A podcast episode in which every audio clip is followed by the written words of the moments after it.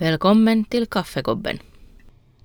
Hej! Nu sitter vi här på Storgärden, i Storgärden med en kvinna. Vem du är, vad du gör. Mitt namn är Johanna Delfs och eh, jag är eh, nyföretagare här på Åland kan man väl kalla det. En, eh, vi startade upp ett nytt företag, min man och jag, i höstas. Och vi har ambitionerna om att starta Ålands första badhotell ute på Fögle i Degerby. Okej. Det låter jätte... Uh, hur ska jag säga? Låter jättefint och så här liksom att när man tänker på badhotell så kan, börjar man tänka någon så här 1950 eh, någonting som kvinnorna går med så här långa mm. liksom kulor sådär. Mm. Så ska det bli så här liksom. Ja, det är jätteroligt att du säger det för att eh, de, de flesta äh, associerar det med något spahotell. Precis. Att de tror att det blir som någon Nordendal eller Grisslehamn. Um, så det är faktiskt jätteroligt att du säger det för att hela tanken är ju att vi går tillbaka ungefär till 1920-talet med just lite de här gamla badritualerna och, och, och, den gamla stilen som var då. Precis. För det passar med huset. Hur gamla är det där huset? Huset är från 1912. Okay. Och sen byggde man till en butik 1938.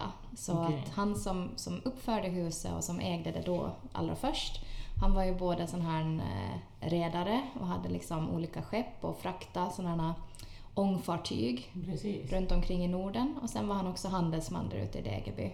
Precis. Och vi tyckte att det var så himla roligt. Vi har ju hållit på och sökt efter rätt fastighet här på Åland då, som skulle kunna vara med och förverkliga våra, våra företagsdrömmar.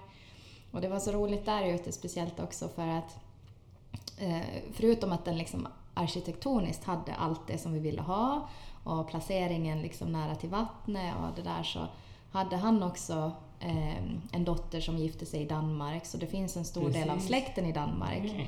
Så vi kände liksom att, att den hade lite av både liksom den historiken som Precis. vår familj har och så passade med lite huset. Så. Precis. hurdant uh, det där huset när ni, flyttar, ni har flyttat in eller bor ni där nu? Mm. Vi hyr in oss i ett litet rum. Vi bor, min man och jag och vår två och ett halvt-åriga son August. Vi bor på ungefär 20 kvadrat, lite mer. Precis. Och eh, sen... Mysigt kan man jo, säga. Det, intimt. Nej, men det är, det är faktiskt jättetrevligt. Um, och det har liksom nu, vår son är så pass liten också, han vill ju ändå alltid vara med mamma Precis. och pappa. Ja. Så på det sättet är det inte något problem. Um, sen är det också väldigt praktiskt att vara så nära uh, projektet så att man inte liksom slösar en massa tid på resor och, och, annat. Så att vi är ju där och kan hela tiden vara en del av utvecklingen. Precis. Hur skick var det där huset när, när ni köpte den? Ja, alltså egentligen ganska bra om man tänker att den ju är då från 1912. Huset står ju på en jättegedigen stengrund, väldigt hög. Och, och, man har ju, den här släkten har ju varit liksom välhavande då och, och valt väldigt bra virke och man gjorde ju så förr också med så här fint kärnvirke. Precis. Att skogarna fick ju växa långsamt och det märker man ju på fasaden att det är lite komiskt eller tragiskt samtidigt att det som var mest skadat, om man säger på fasaden, mm. är det som är nyast. Ja, precis. Liksom att, ja. att man märker bara att man säger ibland sådär ja det var bättre förr. Åtminstone när det kommer till virke så verkar det som att ja, mycket var sånt. Men sen var det ju sådana saker som att taket är i dåligt skick. Om du inte har ett bra tak så spelar det nästan ingen roll vilka renoveringar du gör. Då det är för riskabelt att börja liksom renovera allting utan att ha ett bra tak. Så att taket måste bytas och sen måste vi få in lite mer hållbar värme. Nu har ju det här huset ja, 12 kakelugnar. Precis. Så vi har ju sprungit. Ja, det är så vackert och det är det som också är en del av huset. Liksom. Precis, charm och ja, charm och själ. Men, men eh, jo, vi har ju fått hugga mycket ved och man hinner nästan tända eld i en del av huset och så springa vidare och så har det nästan hunnit liksom sådär slockna. Man, ja. Så att vi måste... Skicket har egentligen varit ganska bra Men samtidigt har man ju inte liksom, man har ju inte gjort någonting åt eh, isolering eller mm, värme eller ventilation och, och sådär. Då. Hurdant värme liksom? Det fanns lite sån här direkt el Mm. på nedervåningen. Men bara i vissa rum. Precis. Och sen hela övervåningen har stått helt kall. Ja. Och nu ska ni... Nu ska vi ha in eh, bergvärme. Ja, precis. Mm. Ja. Så att... eh, Det Mm. är ju säkert mer hållbar det där. Jo, det blir annars väldigt, väldigt höga elräkningar. Gör ni allt själv eller har ni någon utomstående Vi, vi, arbetskraft? ja, vi har hjälp utifrån och så gör vi mycket själva. Vi gör allt det vi kan göra själva. Precis. Att ingen av oss är ju liksom byggare eller konstruktörer eller takläggare eller VVS eller någonting eh, i grunden utan min man har ju jobbat liksom som marknadsföringschef i sex år i Danmark och jag har jobbat i Danske Bank i nästan sju år i olika också sådana här gruppledar-, ledar och projektledarställningar eller, tjänster.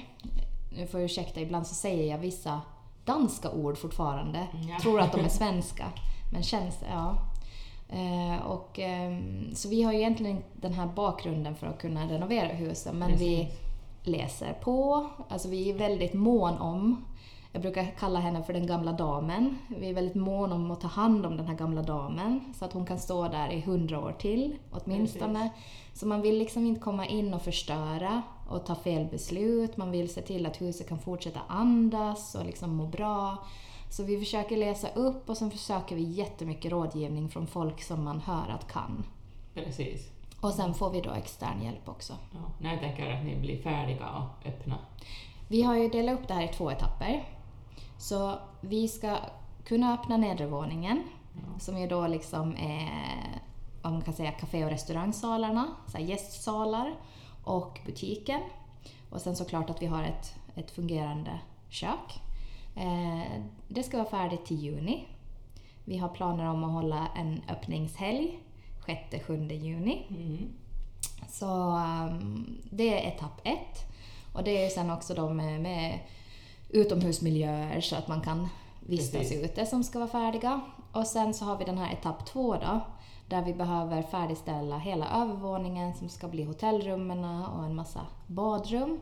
Och, eh, och sen vårt, eh, vår strandfastighet. Liksom. Så det, det tar vi i etapp två och det hoppas vi att vi är färdiga till påsken 2021. Precis. Så nu har vi öppet hela sommaren och pausar liksom renoveringen och sen går vi igång igen. Precis. Det låter, jätteroligt. Hur har ni, har ni, ni har marknadsföra säkert, eller hur har ni? Hur vi har eller hur- marknadsfört? Ja, precis, eller hur tänkte ni marknadsföra här framför? Eller?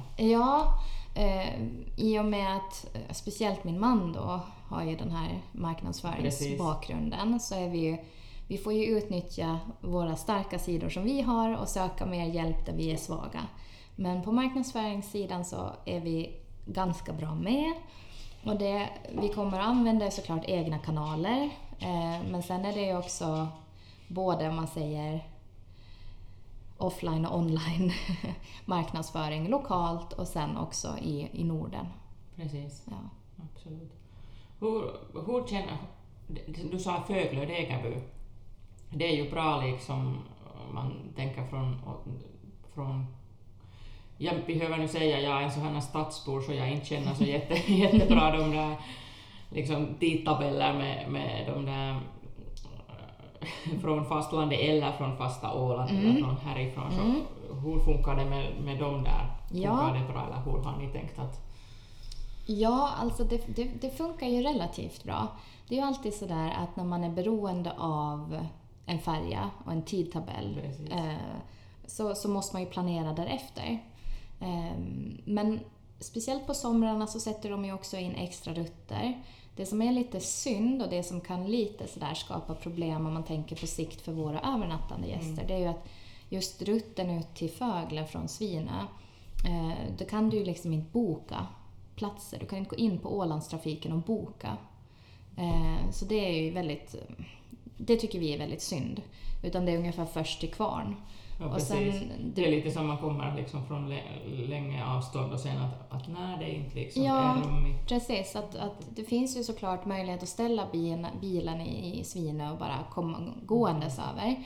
Och vi räknar väl med att de flesta ålänningar kanske gör så, eh, om man inte har liksom andra ärenden eller vill resa vidare genom skärgården till fasta Finland eller se större delar av Fögle.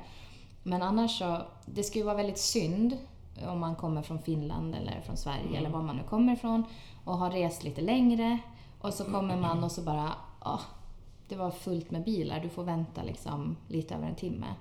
Så det är ju en sån här sak som, det är väl det egentligen som är mest synd med att man har varken något bokningssystem och sen att de då, ja, att man är beroende av en färja.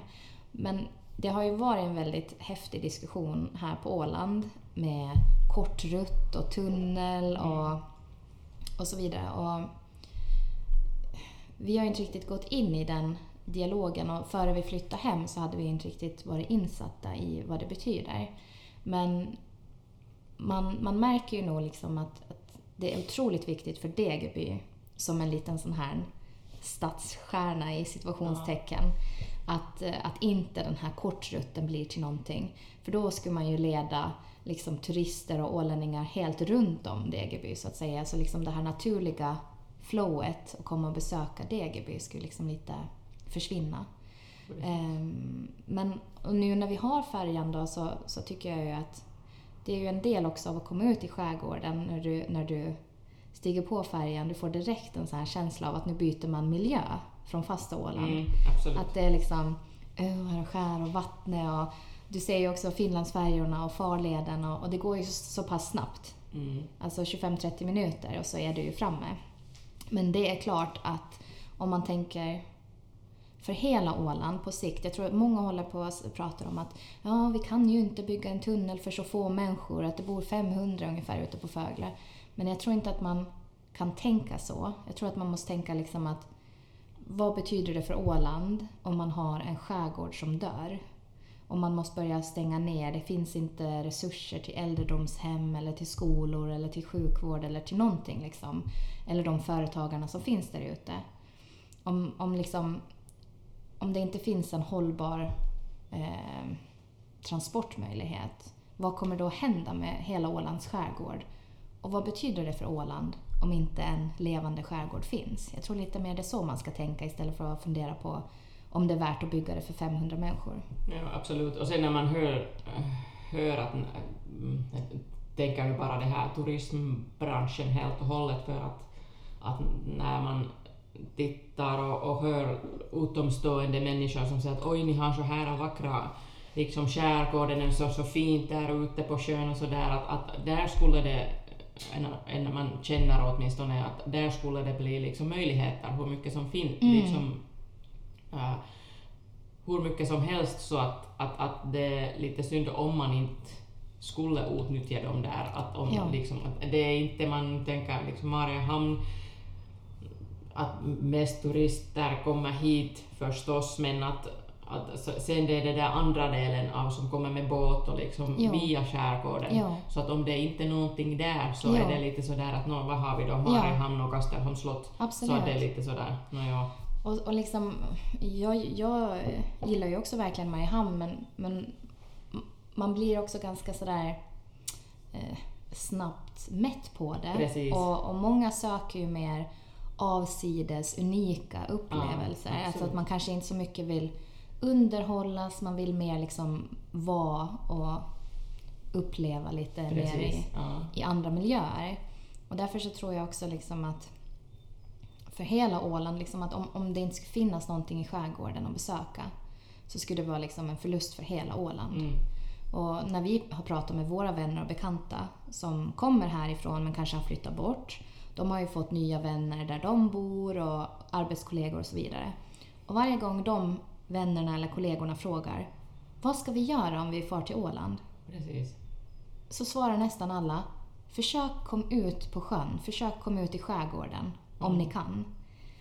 Men det är, väldigt, det är ganska begränsat. Nu börjar det komma lite sådär initiativ om att komma ut på sjön, också ifrån Mariehamn. den här Sunnan som ska börja gå. Albanus tar ju också liksom turer och man kan komma ut i Koba Klintar. Men, men eh, ja, jag tror att det skulle behöva satsas mer på liksom det här som Åland har unikt och det är ju alla dessa öar. Mm. Kanske man behöver ha en sån här, likadant som man går så här äh, men jag tänker nu bara så här Kanariö eller någonting annat så att man går så har man sådana dagsresor mm. någonstans och man gör någonting där och sen kommer man tillbaka Absolut. till det där. Så skulle man ha en sådan från Mariehamn så att man åker med båt till, till exempel till till Degerby och sen vistas där en stund och ha en lunch eller middag och sen mm. För att man, Det vet man ju själv. Min man och jag vi har rest mycket och älskar att resa.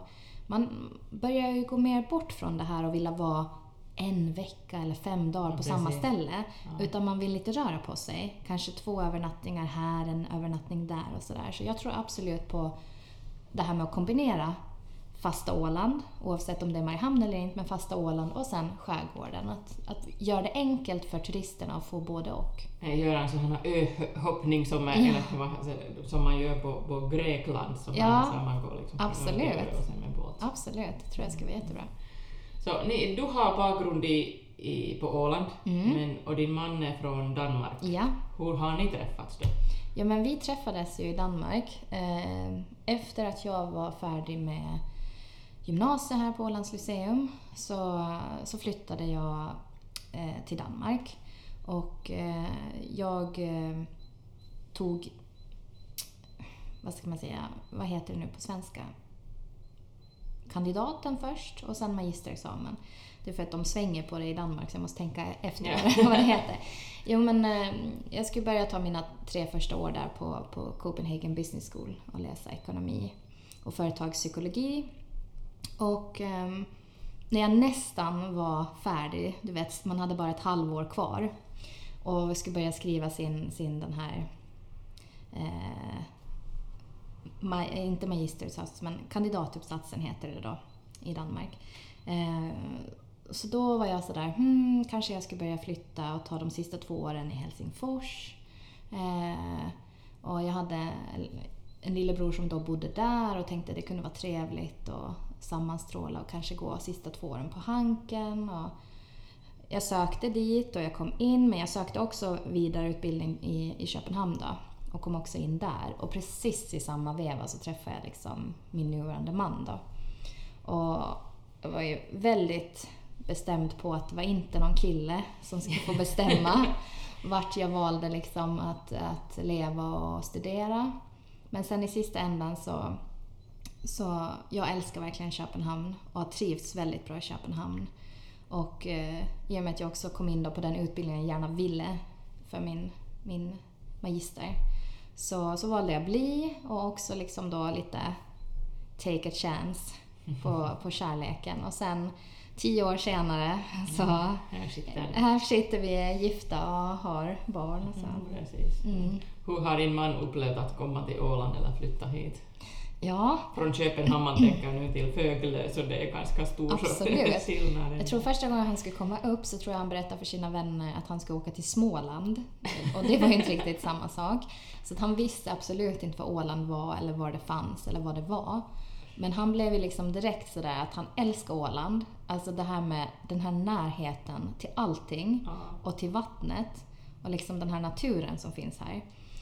Sen var han ju nog väldigt sådär de första åren liksom att, att han var väldigt osäker på om han kunde se sig själv bo här för att det var ändå så smått och så lite som hände. Och jag försökte förklara att ja, men man får ju liksom, här får man lite skapa sitt eget nöje och vara med liksom och engagera sig. Och, och sen bodde vi i Madrid en sväng och flyttade tillbaka till Köpenhamn. Och, och sen är det väl de sista kanske tre åren efter att vi gifte oss här på Åland och sådär. Att, att det är min man som mer och mer har börjat prata om om vi skulle flytta till Åland. Och man märker också när man får barn eh, hur viktigt det är med det här vad ska man säga, säkerhetsnätet mm. runt omkring en. Och vi har ju haft det hur bra som helst i Köpenhamn och trivts och bra jobb och bott mitt inne i stan. Och, och allting. Och också liksom då i Köpenhamn nära till delar av min mans familj och sådär. Men eh, ja, sen så började den här tanken växa mer och mer. Och så bestämde vi oss i somras då att det är nu. Nu, nu. All or nothing liksom. Ja. Ja. Hur kom, vi, kom ni upp med det där huset att ja, men det här ska vi köpa? Ja, alltså vi började ju titta lite runt omkring. Det roliga var, vi var ute och segla i början av juli och jag var inne på alla de här olika mäklarsidorna. Och då hittade jag två fastigheter som jag sa direkt, de där måste vi fara ut och titta på. Det ena låg på fasta Åland och det andra låg då i Degerby. Och vi började titta på det här på, på fasta Åland och, och sen är det lite så här att när man börjar intressera sig för en fastighet, speciellt av den här åldern, så tar det lite tid innan man kommer underfund med om det är rätt. Mm. För det är inte bara det där liksom eh, första ögonkastet och ja, vi slår till. De, de här stora villorna ligger ju också i en prisklass och samtidigt som att de då har liksom en, viss, en viss prislapp så har de ju också en historik som man verkligen måste undersöka och sätta sig in i mer än liksom den här rapporten och ja. Och det är så mycket när man vill bedriva liksom turistisk verksamhet. Då är det liksom också allting, det är inte bara huset, det är också närmiljön. Vad finns, vad kan man skapa? Um, och sen efter vi hade tittat lite på fasta Åland så sa jag till min man, så sa jag jag, jag, då var han kvar i Danmark. Uh, Så sa jag att jag och eh, August Forsson, vi åker ut till Fögle nu, sa jag. Vi måste se det här andra huset. Och efter jag hade varit där första gången så var jag, jag, alltså, jag var så här. Jag hoppas verkligen det här kan bli till någonting. För jag kände direkt vilka möjligheter som, som det hade. Och, och jag var ju nervös då för att säga till min man lite grann att hej, jag tror på det här. För jag tänkte att en sak är att ta liksom en storstadskille och flytta till Åland. Men sen att ta han med vidare ut i skärgården. Men eh, som han sa liksom att eh, om man ska åka en båt 25-30 minuter, det är ingen skillnad. Alltså. Åland är ju nästan Ja. en stor skärgård. ja, precis. Ja, så är det. Och inte det... Har ni någon gång när man tänker liksom från Danmark, kan man ju segla till Föglö faktiskt? Ja, du ska väl bara ha liksom tillräckligt med kunskaper och en Ja, tillräckligt, precis. eh, en båt som, som klarar det. Ja, precis. Men, eh, men det kan man väl säkert. Nu måste vi lägga in en disclaimer här, att det är inte Ja. något som vi rekommenderar eventuella lyssnare att bara kasta sig ut i. Men? Ja, precis. Men, eh, men eh, ja, det skulle säkert vara lite häftigt. Absolut. Så nu är, nu är ni här. När tänkte ni ha det här? Du sa att det var äh, på våras 2021 Mm. helt och hållet. Ska ni ha då öppet he- året runt eller bara sommarmånaderna? Ja, det, planen är att vi ska ha öppet året runt. Och man märker ju på vissa att de, de tycker att vi är lite galna. Både för att vi för det första kastar oss ut i det här och bytt liv i Köpenhamn mot det här och sen för det andra att vi, vi får ofta frågan liksom, ska ni båda jobba med det här?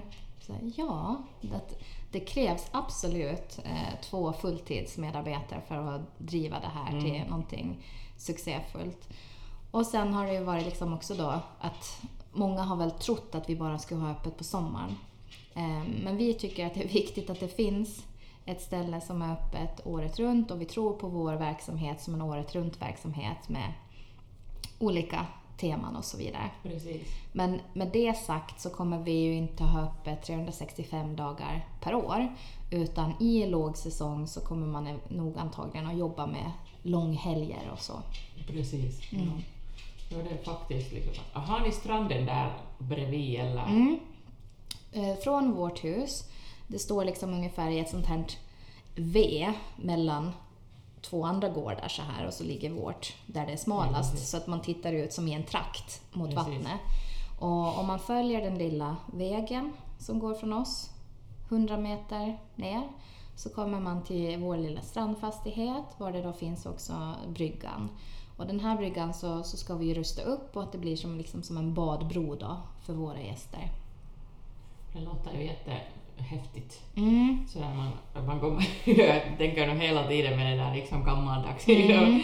att man vistas där på stranden och solen skiner och barnen springer runt där Ja, och sådär. Ja, jag måste säga att det finns ju inte så mycket strand precis vid oss, utan Precis. att där kommer det ju mer, men var den här badbryggan. Men man ska ju föreställa sig liksom att du har vaknat upp där ungefär till fågelkvitter. och så drar du på dig din sköna morgonrock som finns på rummet och tofflorna. Och så går du ner till bryggan och badar och sen ja, kommer du kanske upp och värmer dig eller värmer dig i solen eller i eh, bastun eller någonting sånt och sen får en riktigt, riktigt god frukost och sen så låter du dagen lite ta det som det kommer och vad du har lust med. Mm, Är det liksom kajak eller SUP eller ligga i en hängkoja och läsa en bok eller vill du få ut och fiska så har vi ju duktiga fiskare på Fögle som vi kommer att samarbeta med och allt sånt där. Ja, det, låter jätteroligt Mm. faktiskt. Jag är helt Nå, ni, när ska vi åka? Ni, absolut, ni måste åka i början, eller, början av säsongen 2021. Mm, precis. Yes.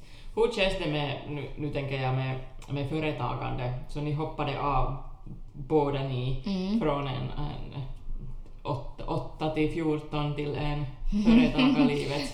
Ja, inte 8 till 14. Det, kanske 8 till 8. Ja. vi, eh, vi har båda satsat väldigt hårt på karriären efter studierna. Och speciellt innan man fick barn så var det liksom bara att köra på. Eh, det- det gjorde vi i alla fall och valde liksom att prioritera den, den sidan av livet. Och, ehm, så vi har nog båda jobbat väldigt mycket och långa, liksom, långa dagar. Eh, men det är klart att det är någonting annat. Men förutom att det då är mera timmar här nu så är det också mera frihet. Och det är liksom... Det är ju vi som ska skapa någonting tillsammans och kan sätta ramarna för hur vi vill att det ska bli. Och den lyxen har man ju inte alltid i ett vanligt 8 till 4 jobb. Liksom att mm, där har du kanske en, en tydlig uppgift som du ska, ska lösa. Du kanske har lite fria liksom, tyglar inom den ramen. Men här får vi ju faktiskt vi får vara så kreativa och vi får liksom tänka stort samtidigt som vi måste vara väldigt så här problemlösare. Och man har så många hattar på sig. Det är väl också det jag gillar. Att eh, den ena dagen så ska du liksom ha HR-hatten på, du ska göra jobbannonser och du ska söka personal och skriva kontrakt och den andra dagen så är du liksom inredare eller inköpare och sen måste du vara marknadsförare och du måste vara försäljningsperson och, och, och sen inte minst lite eh, byggherre och liksom hålla i trådarna. Och, men man kan säga åtminstone det här med Ebbes marknadsföringsbakgrund och min så här ganska starka projektledarbakgrund också gör att även om vi inte har erfarenhet med just liksom, driva såna här badhotell tidigare så har vi lite förutsättningar för att åtminstone se till att vi håller tidslinjen. Absolut. Ja. Ja, no, det är ju säkert det där som jag säger att det är bäst med företagande, så att man... Att, att, ja, det kan bli så att man, man gör mera timmar, men att när du gör vad du vill göra och du älskar vad du gör, så det, är inte, det är inte jobbet då. Det, att, på samma sätt som man tänker att okej, nu har jag, liksom, jag har arbete här från åtta till fyra, Mm. och sen kan jag göra det vad jag vill göra. Nej. Men att när du liksom gör det vad du vill så är inte det som att, att äsch, nu är dagen slut, att nu behöver jag gå hem och, och sova också, att jag kan inte nu Nej. jobba här liksom 24 timmar runt. Sådär, att det är ju helt annan liksom sak på det sättet, eller liksom tankesätt. Absolut. Och jag menar också på en vanlig arbetsplats kan det finnas sådana saker som spelar in på, på eh, liksom ditt välmående, både arbetsmängd och det kan också vara kollegor eller en chef. Och man kan säga, här får vi ju vara med och skapa allting Precis. själva. Så de sådär eh, andra faktorerna, de påverkar ju inte oss liksom på något sätt Precis. i det här. Men det är klart att det är ju inte för alla och det är inte bara liksom att kasta sig ut i det. Um, och det är också någonting väldigt tryggt med att ha ditt vanliga jobb och du vet att det kommer en fast inkomst och liksom allt det där. Men, men för oss har det här nog alltid funnits i bakgrunden. Jag brukar så skoja och säga att, att jag började mitt entreprenörskap när jag var så här, fyra, fem. Alltså i, jag sålde saft på gatan och jag plockade blommor i liksom dikena och sålde blombuketter, gick och knackade på. Jag erbjöd eh, tre minuters massage för fem mark till liksom eh, familjerna och sånt här. Att det har alltid, jag alltid, I och för sig, alla barn tycker det är kul att leka butik och leka mm. liksom sådär men, men eh, jag har nog alltid tyckt att det har varit väldigt roligt och mm. lite så här, skapa Jag tycker också att det, det, krävs ju en, en viss mentalitet att, att bli en, eller vara en, en entreprenör och nu för tiden när man hörs lite så här och där att, att man behöver nu bli en entreprenör eller företagare. Mm. Och jag tänker att nej men det är inte för alla. Mm. Att om man, om man, att man behöver ju på något vis ha en viss mentalitet och mm. tankesätt faktiskt att, att, att vara just där att det har alltid varit kul att mm. göra någonting själv och en, en, det är nästan som ett eget barn att man liksom ja. får fostra upp en. Absolut. Så det finns, varken någon, det finns ingenting som är bättre än det andra, det finns bara olika preferenser och Absolut, olika typer av människor, ja. vad man har lust att göra. Och sen finns det ju mycket företagare som inte är entreprenörer. Liksom att, att det, det, finns ju också, jag tror det kanske är, är det inte var tionde ålänning som nästan är egenföretagare eller någonting sånt. Att det, här är vi väldigt driftiga. Men också kanske för att vi bor var vi bor och man måste vara med och skapa sina egna jobb och sånt där. Men det är ju inte alltid detsamma som att man kanske är entreprenör och det ska jag inte varken sätta någon, någon, någon label på eller varken heller säga att vi är. Men, men vi försöker. Vi försöker mm. tänka stort och, och, och nytt. Och jag inte behöver liksom, företagarna liksom att, att det är många som är nöjda med än liksom att få sin egen försörjning från, från vad han nu gör eller är det då, då företagande eller är det dagjobbet. Det är förstås inte ingenting är bättre än någon annan men att, att det är bara känna sig själv att om det är någonting mm. som man liksom vill göra så mm. att, eller inte vill göra så det är absolut så är det liksom.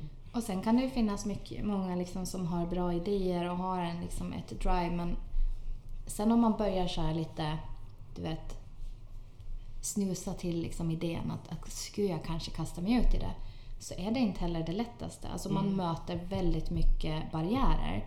Från det att du kanske har varit modig och valt att säga nu tar jag klivet. Men sen liksom, det är väldigt stränga eh, regler med finansiering idag. Mm. Jag menar, ja, till och med jag som har varit i bankvärlden blev lite överraskad hur, hur strikt det var här hemma. Mm. Och hur svårt det är för folk. Det var just det jag tänkte, tänkte fråga nästa, att, att hur var det med er med finansiering? Hur liksom upplevde ni att, att har det varit lätt eller svårt eller hur har ni löst? Nej men det har inte varit, det har inte varit lätt. Mm. Alltså, och jag tyckte ändå att vi kom, kom hem med ganska mycket egenkapital och hade investerat och gjort liksom förnuftiga saker i Danmark. Um, men, men det är ändå liksom... Det är en svår eh, bransch eh, för nystartade företag för att eh, kraven från den finansiella sektorn är så höga på säkerheter och man, de, de vågar inte lika mycket längre. Och, och, samtidigt kan man ju säga också att bankerna har ju också måste liksom lära sig läxan den hårda vägen genom att inte vara för generösa och inte liksom låna för mycket eller till vem som helst heller. Men det borde på något sätt kunna finnas någon lite mer balanserad mellanväg för att annars är det väldigt svårt för, för unga eh, som har drömmar och som har visioner och som har en bra plan. Eh, att komma igenom.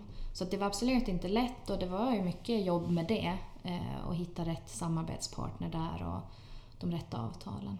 Ja, precis. Det kan lätt bli så att man när man liksom, ah, nu, har jag, nu, nu ska jag göra det här och sen det blir mycket jobb och sen här just det där att, att no, inte någon vill finansiera så blir det lätt så någon, någon vill låta bli att, ja. att göra sådär att man behöver vara lite sådär. Ja, det måste jag nog också säga att om du får ett nej första gången mm. så, så ska, om du verkligen tror på det så ska man inte ge upp. Liksom man, ska, mm. man ska inte, alltså, det krävs i alla fall just idag att man inte liksom tar emot ett nej som ett absolut nej. Ja. Utan att man då tänker, okej, okay, hur kan jag då gå tillväga? Eller hur måste vi då justera? Eller, ja.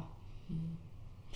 Ni har ju en, en småbarn hemma, så hur funkar det för ni, ni båda jobbar där med, med företaget och sen har barnen hemma, men hur, hur funkar vardagen? Ja, alltså vardagen funkar bra. Ehm, vår son har ju börjat gå på dagis i, där på Föglar. Han gick ju redan i, i Köpenhamn, det är ju mycket kortare mammaledighet i Danmark.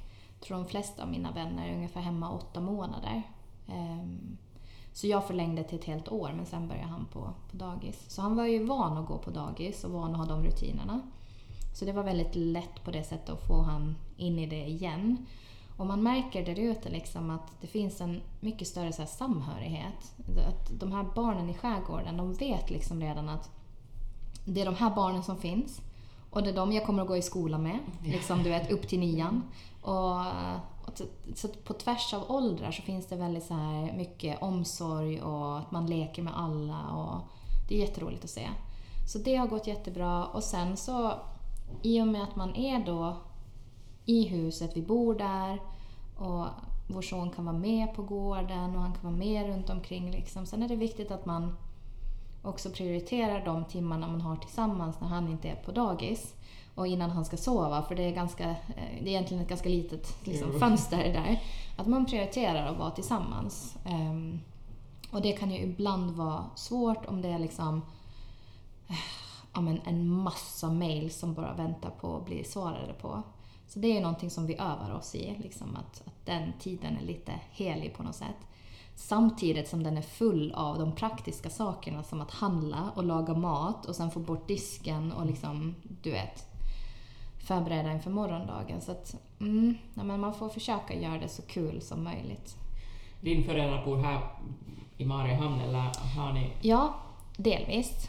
Eh, och sen så har de gjort det kloka valet att fly till varmare Ja. breddgrader sådär halv, halvtiden av året.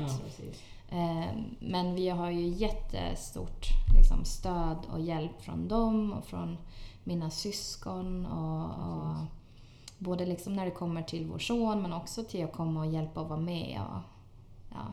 Det är ju skönt att ha liksom, att nå- någon som man kan Mm. eller hjälpa med just vardagen och barn och allt så här möjligt. Så. ja, det är jätteviktigt. Det är Ja, verkligen viktigt. Så det får man nog vara glad för. Ja.